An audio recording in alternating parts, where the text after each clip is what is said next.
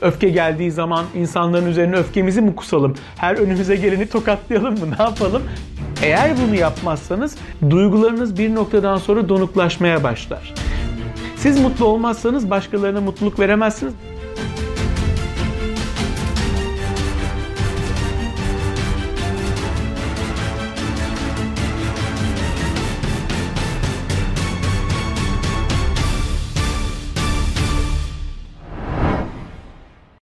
Merhabalar arkadaşlar, hoş geldiniz. Ben Türker Manavoğlu. Bugün sizle birlikte mutsuzluğun garantili 3 yolundan ve hangi yolları uygulamazsak eğer daha mutlu olabileceğimizden bahsedeceğim. Eğer bu videoları seviyorsanız videomu beğenmeyi, kanala abone olmayı ve bildirimlerinizi açmayı unutmayın ki yeni video yüklediğim zaman ilk siz haberdar olun. Şimdi arkadaşlar 3 tane adımdan bahsedeceğim burada. Hangi adımları uygularsak garantili mutsuz olursunuz hayatınızda. Birinci adım Bence en önemlilerinden bir tanesi bu. Duygularımızı baskılamak.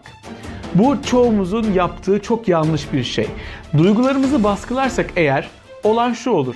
Halının altına süpürürüz duygularımızı. Sürekli hasır altı ederiz, hasır altı ederiz. Ama bir noktadan sonra o duyguları artık o kadar baskılarız ki içimize ya bir noktada artık patlama yapar ya da belli bir noktadan sonra artık duygularımız donuklaşmaya başlar. Şimdi her ikisinden de bahsedeceğim. Duygu patlamaları nasıl olur? Mesela oluyor mu arada size? Ee, biraz damarınıza bastıkları zaman öfke patlaması.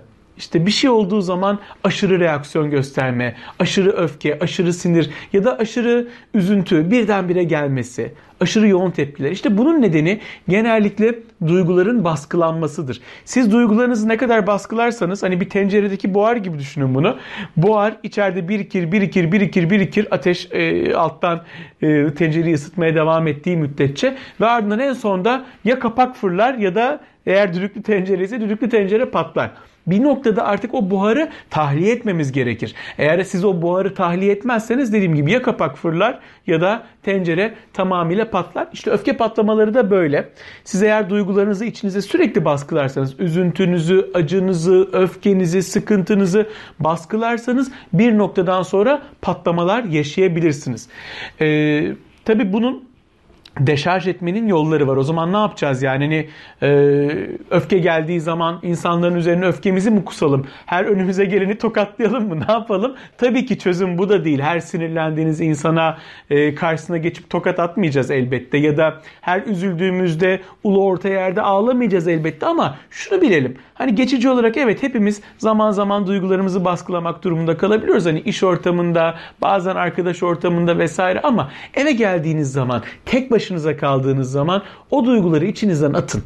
Bu duyguları da yok sayarak atmayacağız. Bunu söyleyenler de var çünkü umursama, takma kafana, boş ver, kafaya takmama vesaire.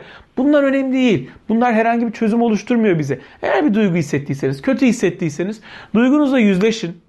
Fark edin öncelikle nasıl bir duygu hissediyorum şu anda. Üzüntü mü, öfke mi ne hissediyorum?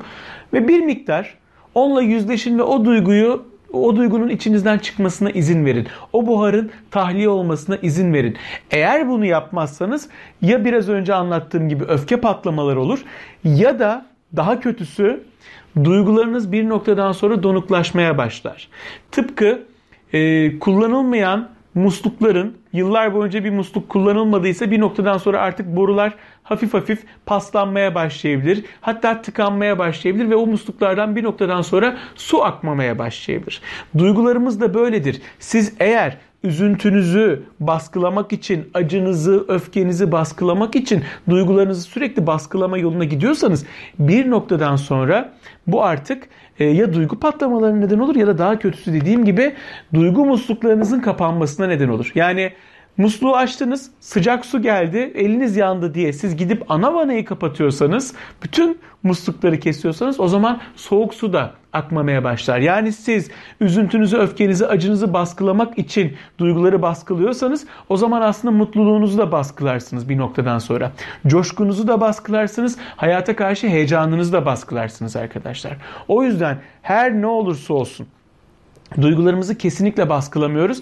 Yalnızca geçici bir süre için e, o gün o ortamı bir şekilde e, kurtarmak açısından geçici olarak iş ortamında, arkadaş ortamında baskılayabilirsiniz. Ama kendi kendinize kaldığınız zaman mutlaka o duygularla yüzleşin, sorgulayın ve atın. O buharı tahliye edin. Birinci aşama bu. Mutsuzluğu yaratan en büyük faktör duyguları baskılamak. İkinci en çok mutsuzluk yaratan faktör de hayatımızın merkezine sürekli başkalarını almak ve sürekli dışarısı odaklı yaşamak. İnsanlar benim hakkımda ne düşünür? Ee, ben ne yaparsam beni daha çok severler. Ya da ben nasıl fedakarlık yapayım ki daha çok ilgi göreyim ya da insanlara dışarıdan nasıl görünüyorum. Sürekli bu odakla yaşarsanız arkadaşlar bir noktadan sonra hayatınızın bütün merkezi o insanlar olur. Hele ki ilişkilerde bu çok daha kötü sonuçlara neden olur. Sürekli olarak e, karşısı odaklı yaşıyorsanız, hayatınızın merkezine mesela eşinizi ya da sevgilinizi alıyorsanız bu bir noktadan sonra sürekli bütün mutluluğunuzu o insan ya da o insanlar üzerinden alma durumunu sizde getirir. Sürekli olarak ben ne yaparsam işte o beni daha çok mutlu eder. Ben ne yaparsam o beni daha çok sever gibi yanlış bir düşünceye sevk eder sizi. O nedenle hayatınızın merkezine başkalarını almak her zaman için beklentilerin yükselmesine neden olur. Ve yükselen beklentiler, beklentiye girmek bilin ki çoğu zaman hayal kırıklığına neden olur. Eğer hayal kırıklığına uğramak istiyorsanız beklentiye girin. Beklentiye girmek istiyorsanız da hayatınızın merkezine başkalarını alın. Tabii ki bunu yapmıyoruz. Hayatımızın merkezine başkalarını değil kendimizi almamız lazım. Neden biliyor musunuz? Hayatınızın merkezine kendinizi alırsanız önce Önce bir kendinizi mutlu etmeye başlarsınız. Çünkü başkaları odaklı yaşadığınız zaman başkalarını mutlu etme odaklı yaşıyorsunuz demektir aslında. Ama kendiniz odaklı yaşadığınız zaman kendinize şu soruları sorduğunuzda ya ben ne yaparsam mutlu olurum? Nasıl hareket edersem şu anda kendimi daha iyi hissederim? Ya da içimdeki çocuk ne yaparsam şu anda daha mutlu olur? Gibi soruları kendinize sorarsanız yavaş yavaş artık kendiniz odaklı yaşamaya başlarsınız.